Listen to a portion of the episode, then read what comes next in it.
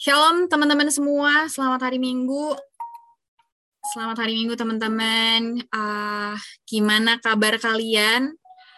Mungkin kabar kalian lagi nggak baik-baik aja, but it's okay. Kalau kalian lagi baik, juga it's good to hear that. Hari ini aku percaya setiap kita yang ada di sini, ketika kita datang di sini, nggak ada yang kebetulan, tapi pasti karena ada yang mau Tuhan sampaikan buat kita semua yang ada di sini. Oke. Okay. Siapa yang excited hari ini? Kita mau bahas tentang relationship goals. Relationship goals apa sih relationship goals? Apa yang jadi relationship goals dalam kehidupan kita? Hari ini juga aku excited banget karena uh, aku percaya bahwa uh, hubungan atau relationship itu adalah sesuatu hal yang sangat krusial dalam hidup kita. Karena nggak ada di uh, kehidupan kita yang kita nggak punya relationship. Pasti ada relationship. Dan uh, sebelum kita masuk lagi lebih lanjut, sebelum lagi kita bahas lebih dalam lagi tentang apa sih relationship, aku rindu bahwa kita semua punya satu pengertian yang sama dulu nih. Kita mundur dulu sedikit ke belakang supaya kita punya satu pengertian yang sama sorry sebentar kita punya satu pengertian yang sama bahwa Tuhan adalah creator atau Tuhan adalah pencipta dari relationship itu sendiri. Tuhan yang membentuk relationship, Tuhan yang membentuk hubungan.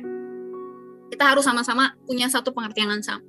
Tuhan yang membentuk hubungan, uh, Tuhan ini idenya Tuhan ini tuh Tuhan uh, inisiatifnya Tuhan. Tuhan yang bentuk hubungan bukan kita. Bukan kita sebagai manusia yang yang yang membentuk hubungan tapi semuanya adalah Tuhan yang membentuk.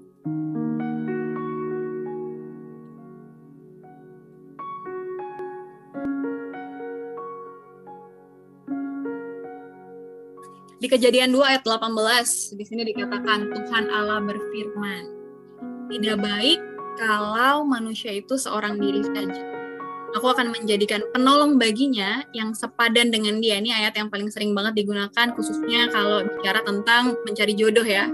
Atau jadi ayat untuk alasan buat makanya nih aku harus aku harus dapat jodoh karena manusia tidak baik seorang diri aja.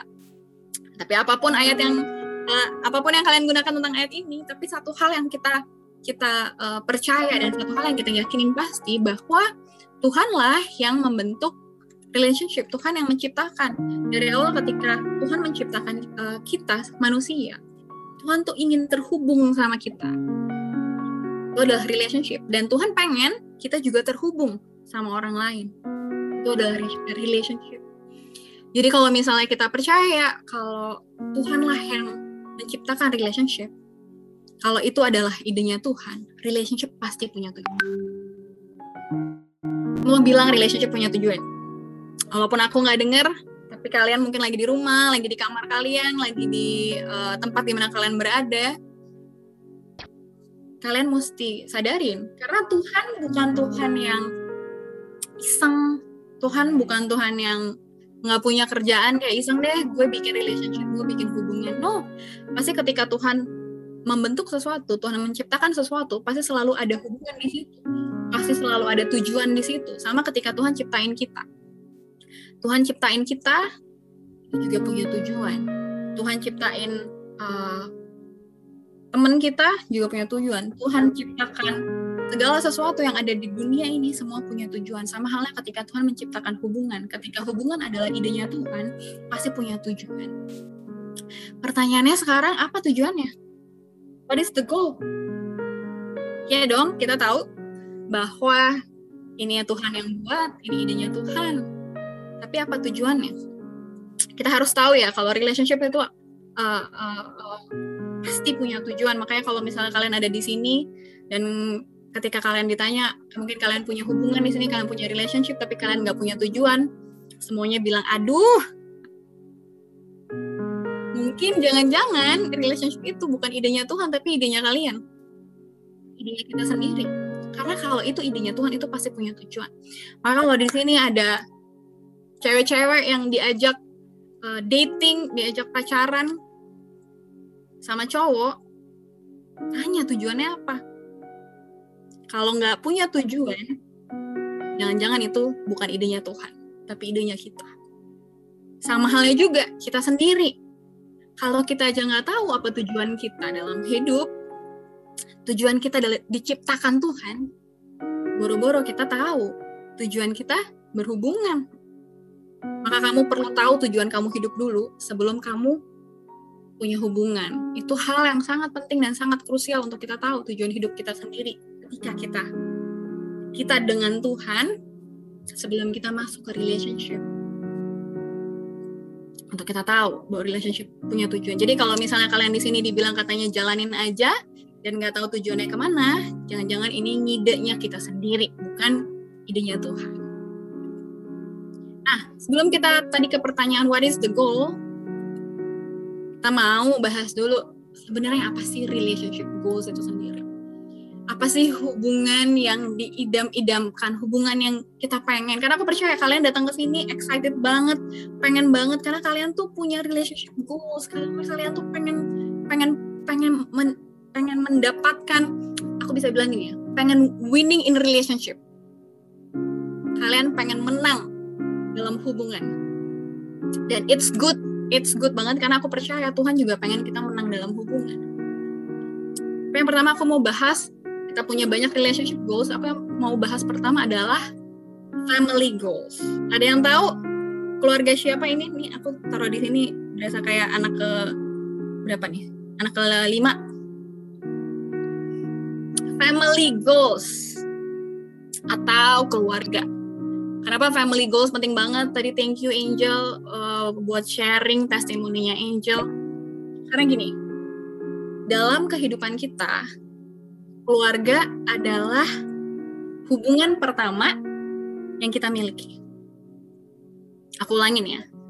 Keluarga adalah hubungan pertama yang kita miliki. Harta yang paling indah adalah keluarga semua nyanyi nih. Karena gini keluarga itu hubungan pertama karena kita ketika kita diciptakan di dunia kita nggak bisa pilih siapa keluarga kita. Bener nggak? Kita nggak bisa pilih siapa yang menjadi mama kita siapa yang menjadi papa kita. Kita nggak bisa milih siapa yang jadi adik dan kakak kita. Semuanya given dari Tuhan. Semuanya itu Tuhan yang menentukan dan menempatkan kita kamu bisa pilih kamu berteman sama siapa, kamu bisa pilih kamu sekolah di mana, kamu bisa pilih cita-citamu apa, mau pacaran sama siapa, menikah sama siapa, semuanya itu adalah pilihan kita. Tapi kalau lahir di keluarga mana kita nggak bisa pilih. Tapi Tuhan yang milih. Tapi sering kali gini, kita nggak sadar ketika kita nggak rasanya pengen lahir di keluarga lain, rasanya pengen lahir di keluarganya David Beckham aja. Saat itu kita lagi bilang bahwa sebenarnya kayak Tuhan tuh salah taruh kita di keluarga. Family goals ini kenapa yang ini salah satu kayak keluarga yang kayaknya wow banget ya. Punya kekayaan tenar cantik punya kayak kebahagiaan semua. Paling nggak apa yang kita lihat dari apa yang terlihat Makanya nggak jarang ketika kita punya family goals kayak gini, dalam hubungan, dalam keluarga, yang kita cari jadinya adalah kekayaan. Jadinya adalah kesuksesan, pengakuan orang, tenar. Makanya kita suka marah sama Tuhan. Tuhan, kenapa aku lahir di keluarga gini? Tuhan, kenapa aku lahir keluarga susah? Kenapa aku nggak aku lahir? Mereka enak, mereka punya keluarga yang uh, privilege. Sekarang sering banget kita dengar ya, privilege mereka punya uang banyak mereka nggak usah susah-susah kayak aku. Tapi sadar nggak ketika kita mengatakan hal seperti itu sama kayak kita bilang Tuhan kau salah taruh keluarga sini. Hari ini aku mau bilang bahwa Tuhan nggak pernah salah taruh kamu di keluargamu sekarang. Karena tadi relationship punya tujuan. Ketika Tuhan ciptain kamu dan Tuhan taruh kamu di satu tempat di satu keluarga Tuhan pasti punya rencana. It's purposeful. Aku mau bagikan sedikit. Ini adalah keluargaku. Aku kecilin dulu di sini. ini adalah keluargaku nggak sama sama keluarga yang David Beckham tadi pasti ini waktu aku masih kecil sampai aku besar ini aku, aku foto sama mamaku sama aku foto sama nenekku. Dari aku kecil sampai sekarang. Dan ini beda bukan kayak keluarganya David Beckham. Dan dulu waktu itu yang aku lakukan adalah aku tinggal sama mamaku she's a single mom. Aku juga single grandmom. Jadi aku merasa aku, aku merasa beda dari keluarga lain aku pernah bilang sama teman-teman kenapa ya? Aku tuh pengen kayak di foto keluarga kayak aku di tengah di kiri kanan ada ada mama ada papa yang lagi peluk ya kan? Di di McDonald mungkin lagi ulang tahun. Dulu aku dulu aku dulu aku melihat gitu karena apa yang aku lihat ini kayak bukan family goals aku sendirian aku aku dulu pengen banget punya kakak cowok aku pengen banget punya keluarga yang yang rame aku anak tunggal.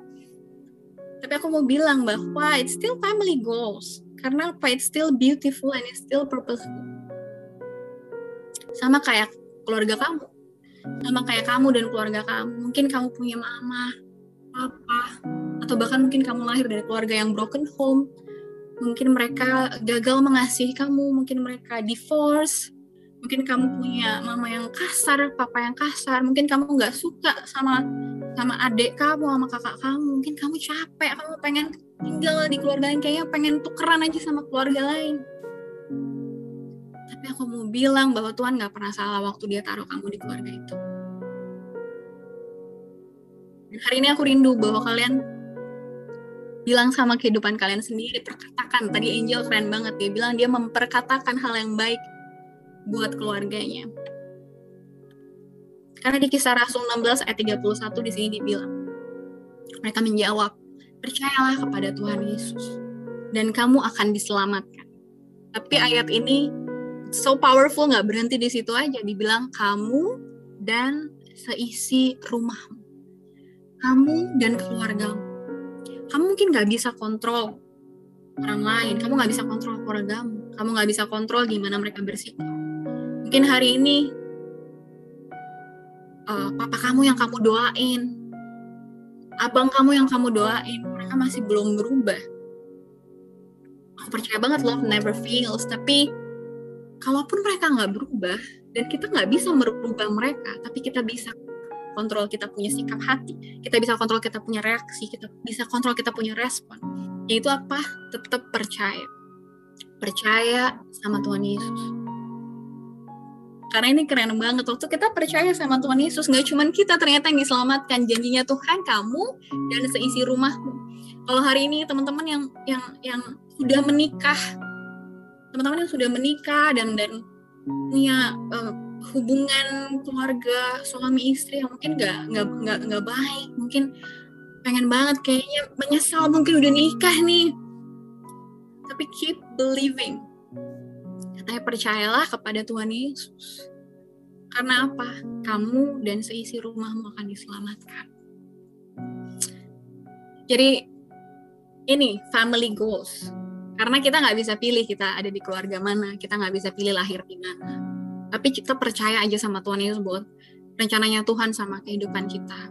Kalau kamu ditaruh di keluargamu sekarang, percaya ada purpose, ada tujuan buat keluargamu ada tujuan buat kamu kenapa kamu di situ. Tuhan gak lagi iseng Tuhan gak salah pilih Tuhan tahu apa yang dilakukan tugas kita apa? Tetap per tetap percaya. Nah selanjutnya tentang relationship goals. Ini adalah hubungan yang kita pilih. Waduh. Ini udah senyum senyum senyum senyum nih ngelihat apa sih relationship goals? Jadi ini waktu aku searching ya hashtag relationship goals gitu.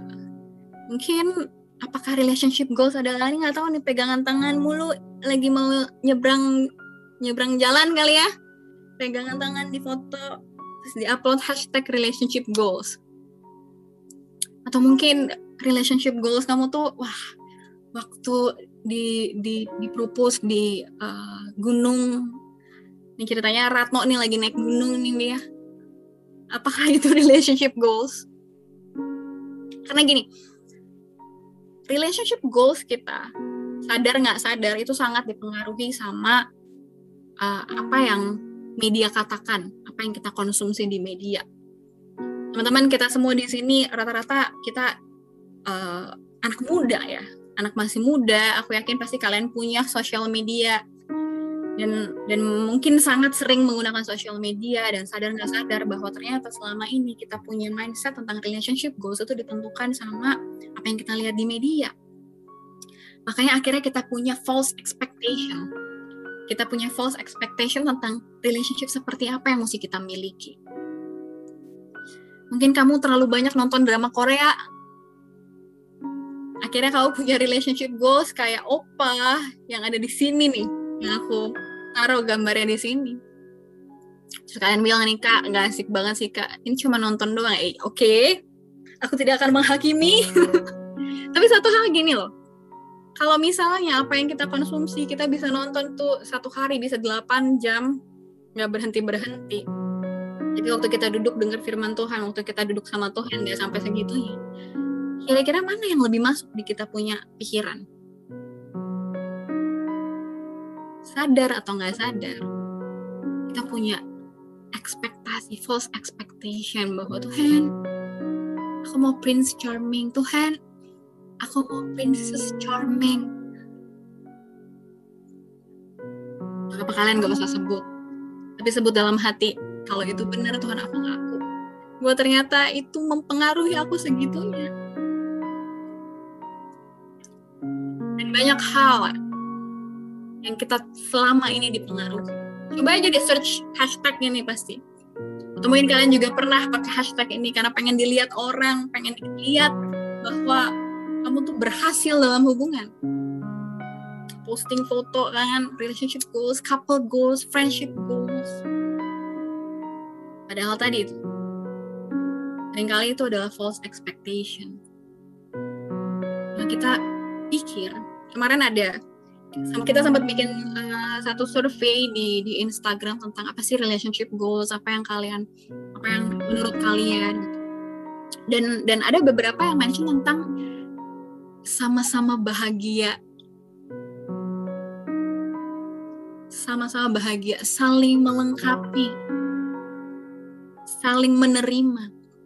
Sadar nggak bahwa ternyata selama ini kita punya relationship goals itu bertujuan untuk kita bertujuan untuk memenuhi kita supaya kita bahagia. Padahal di bulan uh, lalu kita bicara tentang uh, keintiman sama Tuhan bahwa harusnya sumber kebahagiaan kita sumber sukacita kita adalah Tuhan. Berarti adalah Tuhan dan kita hubungan kita sama Tuhan untuk kita bersukacita. Harusnya kita punya tujuan dalam hubungan adalah untuk menunjukkan Kristus pada dunia. Teman-teman nanti boleh baca di Efesus 5 22 sampai 33 tentang gimana Kristus, gimana kita dalam hubungan itu seperti Kristus dengan jemaatnya. 1 Yohanes 4 ayat 10 sampai 21 teman-teman nanti boleh baca itu tentang Allah adalah kasih. Jadi ketika Tuhan menciptakan hubungan, ketika Tuhan menciptakan relationship, itu adalah untuk menunjukkan Kristus pada dunia. Tuhan tuh mau establish His kingdom di dunia ini melalui hubungan kita. Yang percaya bilang amin. Walaupun aku nggak dengar, tapi bilang amin.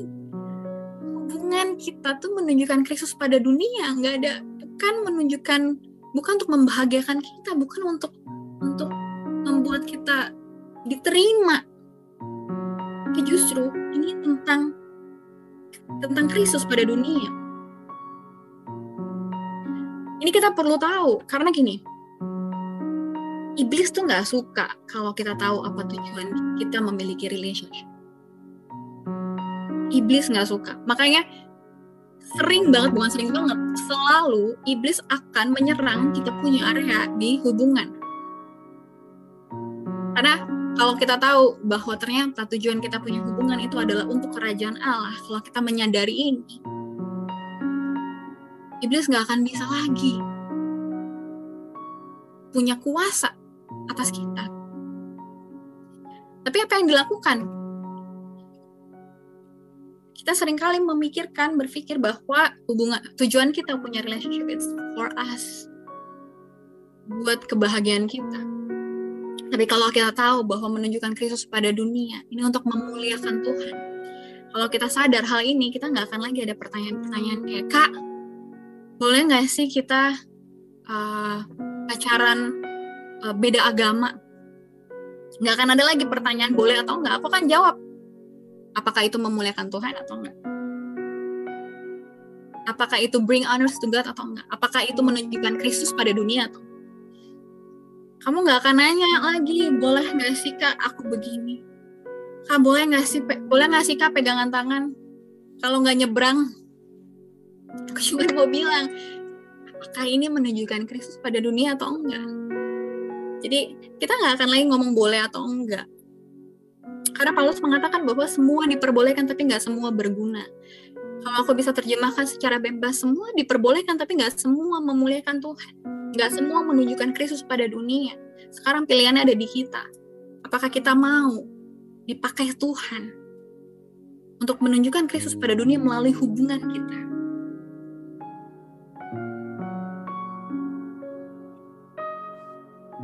Di 1 Korintus 15 ayat 33 di sini dikatakan janganlah kamu sesat.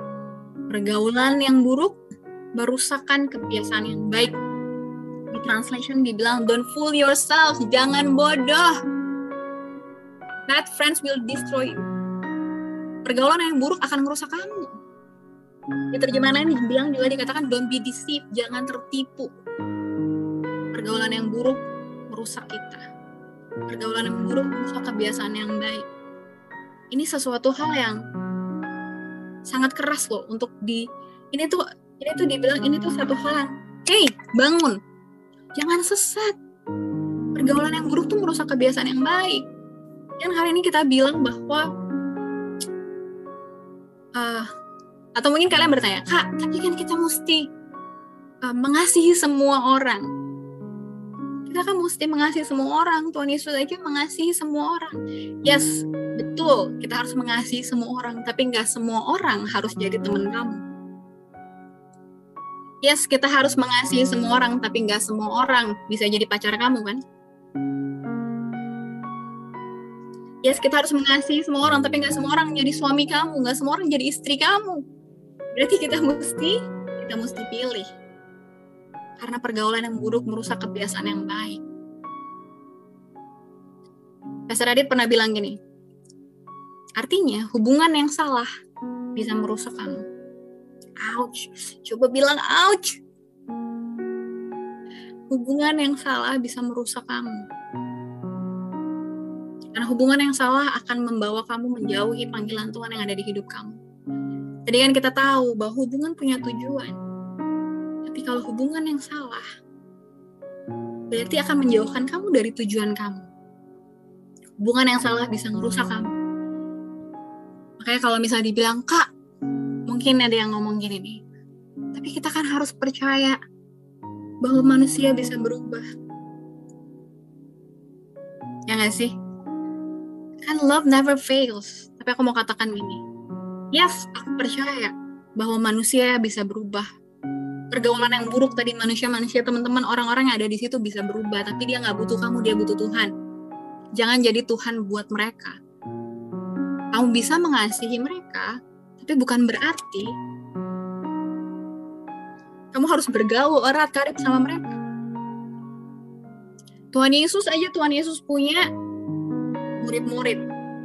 Ditentukan ada 12 orang. Apakah Tuhan Yesus mengasihi 12 orang dan nggak mengasihi yang lainnya? Enggak, Tuhan mati buat semua orang.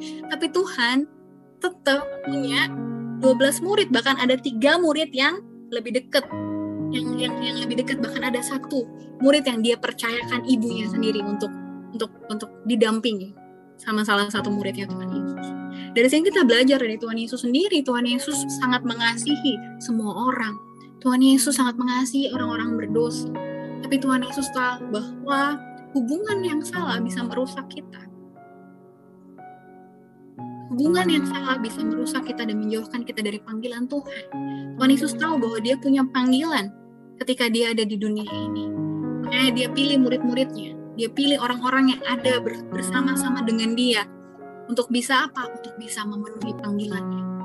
Menunjukkan kasih Kristus di dunia. Makanya dia pilih orang-orang itu. Apakah mereka orang yang sempurna? Enggak. Ada Petrus yang akhirnya menyangkal. Ada ada ada Yudas yang mengkhianati. Tapi Tuhan pilih. Amsal 13 ayat 20, And if you want to grow in wisdom, spend time with the wise. Walk with the weak and you'll eventually become just like. Sama halnya kalau kita mau jadi orang yang bijak, kita harus menghabiskan waktu kita dengan orang yang bijak karena kita nggak punya banyak waktu.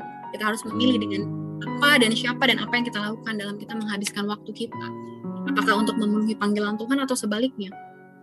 Sama yang tadi dibilang ya, kalau kita bergaul sama orang jahat, lama-lama kita akan sama kayak mereka, sama kayak sama kayak dunia. Satu hal kebohongan yang yang aku sendiri uh, rasakan, iblis suka menipu kita. Dia bilang kayak gini, orang lain aja juga ngelakuin gitu. Yes, ya teman kamu, mereka juga lakuin kayak gitu. Dikit aja nggak apa-apa lah.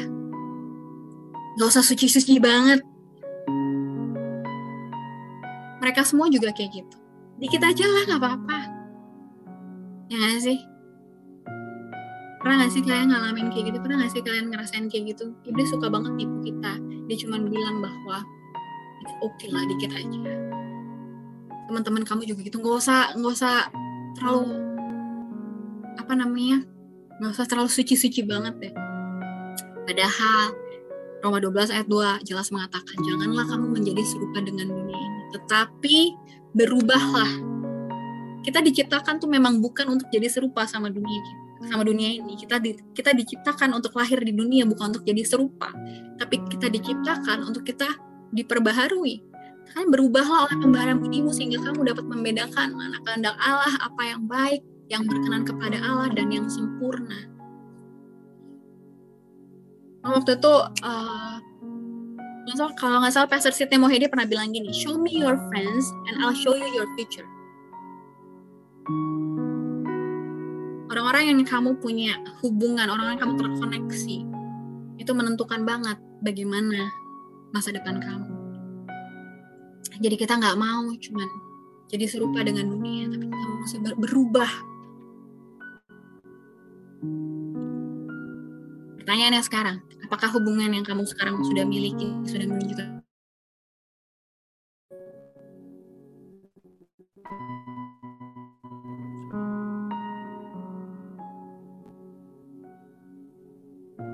apakah iya dunia udah bisa Apakah mereka diberkati dengan hubungan yang kamu miliki? Karena sering kali yang kita lakukan bukan yang mengorbankan kita punya hubungan, tapi kita mengorbankan Kristus demi hubungan kita. Coba ada berapa dari kita, ada berapa banyak dari kita yang selama ini kita membangun hubungan, lalu kita minta Tuhan untuk memberkati. Dibandingkan dengan kita kita kita kita tanya sama Tuhan ini dengan kita membangun hubungan yang Tuhan mau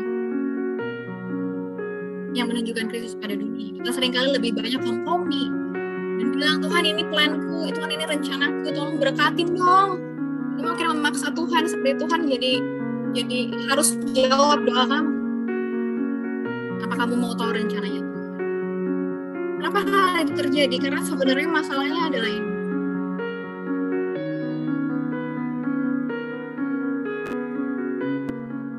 Masalahnya adalah karena hati kita. Kalau bilang masalahnya ada di hati kita karena kita batu. Biasanya batu itu ngomongin keras kepala ya. Kita sebenarnya keras kepala itu muncul atau datang dari keras hati kita mengeraskan kita punya hati akhirnya kita keras kepala akhirnya kita memaksakan kita punya kehendak bahkan kita memaksakan kehendak kita sama Tuhan Nih, kalau kita keras hati.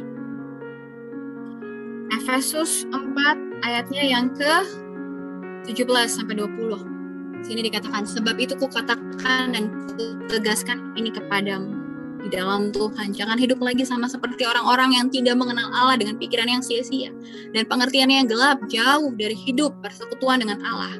Karena kebodohan yang ada di dalam mereka dan karena kedegilan hati mereka. Ini dibilang karena mereka keras hati, mereka hatinya degil. Ayat 19, perasaan mereka telah tumpul sehingga mereka menyerahkan diri kepada hawa nafsu dan mengerjakan dengan serakah segala macam kecemaran. Karena ternyata ketika kita mengeraskan hati kita, kita jadi nggak bisa ngerasain Tuhan. Kita jadinya menyerahkan kehidupan kita kepada hawa nafsu.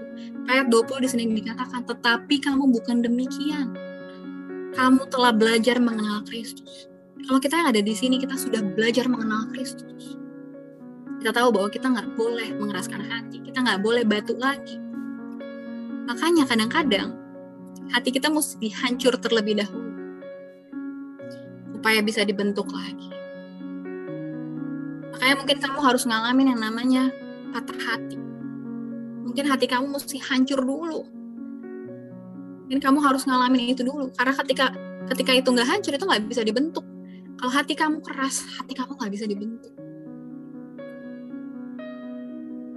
Makanya kamu, kamu mesti ngalamin dulu yang namanya kehilangan supaya kamu nggak terhilang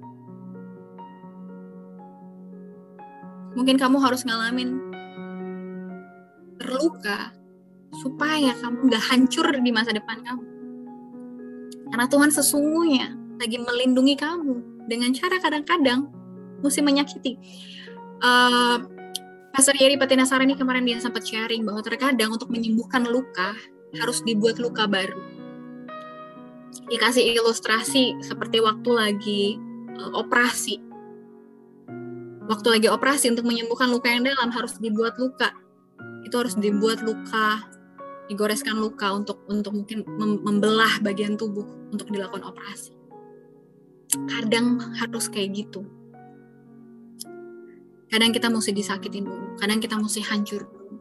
Hatimu mesti hancur dulu. Kalau hari ini kamu datang kenapa sih mengeraskan hati? Mungkin karena kamu udah banyak terluka. Mungkin kamu udah banyak dikecewakan di keluarga kamu, di di kehidupan kamu, di pertemanan kamu, sama pacar kamu, sama mantan kamu, sama orang-orang yang jadi partner kerja kamu, kamu ngerasa di udah terluka, makanya akhirnya kak aku nggak mau lagi disakitin, makanya aku jadi keras, makanya aku tumbuh jadi pribadi yang keras. Kenapa aku bisa ngomong gitu? Karena ngalamin hal itu, aku keras hati, mengeraskan hati. Akhirnya apa? Akhirnya Tuhan harus hancurin aku punya hati. Tapi ini kabar baiknya. Yeskiel 36 ayat 26. Sini dikatakan kamu akan kuberikan hati yang baru. Sama-sama bilang hati. Roh yang baru di dalam batinmu.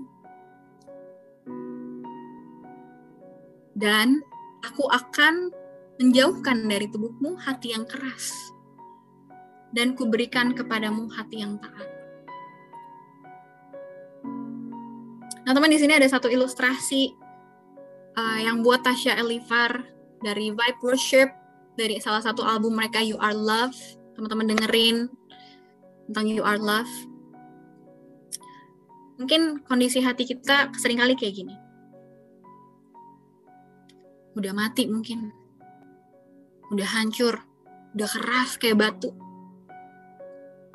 Tapi Tuhan bilang bahwa gak se seberapa hancurnya, seberapa kerasnya hati kamu, seberapa sakitnya hati kamu, seberapa udah gak ada bentuknya lagi, Tuhan tetap bisa kasih hati yang baru. Undang Tuhan untuk masuk ke dalam hatimu. Karena dari hati yang gak ada kehidupan, dari hati yang mati itu, tetap bisa tumbuh kehidupan yang baru seperti yang ada di hati ini. Ketika Tuhan kamu undang di hatimu, itu blooming lagi. Itu tumbuh lagi, mekar lagi. Karena nggak ada sesuatu hal yang terlalu berat, terlalu besar buat Tuhan pulihkan. Nggak ada sesuatu hal yang terlalu susah. Mungkin kamu punya masalah susah, kamu punya trauma udah gede banget tuh banyak banget. Tapi percaya Tuhan lebih besar daripada trauma kita. Tuhan lebih besar daripada sakit kita. Dan Tuhan bisa make all things new. Sehingga kita nggak lagi kerasin hati kita. Karena hari ini, bulan ini kita lagi bahas tentang hubungan. Pak Vero, Peser Vero, kemarin bilang tentang pemurnian bahwa setiap hubungan itu dipakai untuk memurnikan kita supaya kita bisa mengasihi seperti Yesus to love like Jesus Pastor Oyo sampaikan uh, bulan ini. Karena itu kita punya kisah kasih, kisah kasih kita sama Tuhan Yesus. Dan semuanya itu punya satu tujuan. Supaya kita punya hubungan yang memuliakan Tuhan. Supaya kita punya hubungan yang menunjukkan Kristus pada dunia. Hanya teman-teman aku rindu untuk kita ambil waktu dua menit aja. Nah, kalian tutup mata kalian. Coba kalian renungkan dan pikirkan. Uh, mungkin ada hubungan-hubungan yang Tuhan taruh di dalam hati kalian. Bahwa dikatakan di situ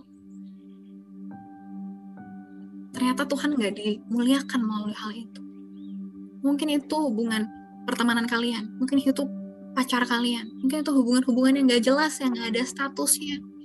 Kalian menghabiskan waktu lama di situ.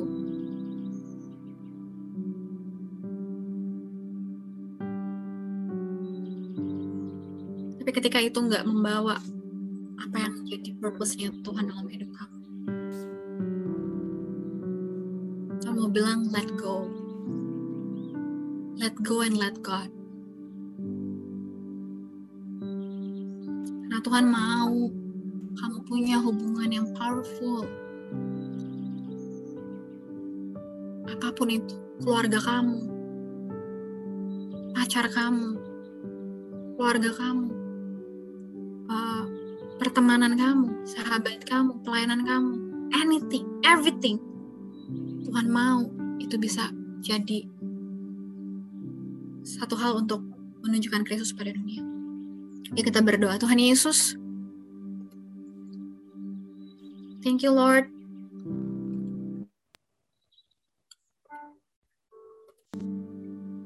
Makasih Tuhan, karena hari ini Tuhan kasih. Tuhan ingetin kami lagi Bapak bahwa hubungan kami Tuhan, ini bukan tentang kami. Bukan tentang memenuhi kami punya hasrat. Bukan tentang memenuhi kami punya keinginan Tuhan. Tapi ini semua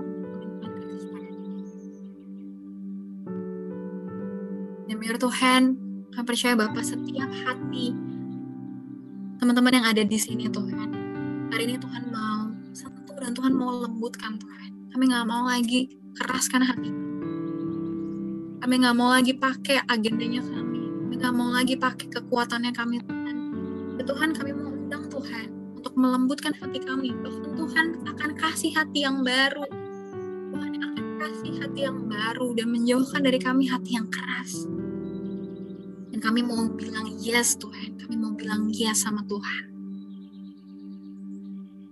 Ketika kami bilang yes sama Tuhan, artinya kami harus bilang no sama dunia. Dan mungkin itu artinya kami mesti memotong, kami mesti kami mesti melepaskan, kami mesti meninggalkan hubungan-hubungan kami yang dengan dunia Tuhan. Karena kami mau pilih Engkau Tuhan. So thank you Lord. Thank you Lord karena kami tahu Tuhan bahwa mengikuti Tuhan dan memilih Tuhan dan mencintai Tuhan adalah keputusan terbaik yang bisa kami lakukan selama kami hidup. We thank you Lord, we love you so much. Dan Tuhan Yesus sayang banget sama kalian. Dan Tuhan Yesus selalu menunggu kalian untuk bisa kalian menangkap tangannya Tuhan lagi. Karena Tuhan gak pernah paksa kita tapi Tuhan menunggu kita untuk kita menyambut Dia. In Jesus' mighty name we pray. Amin.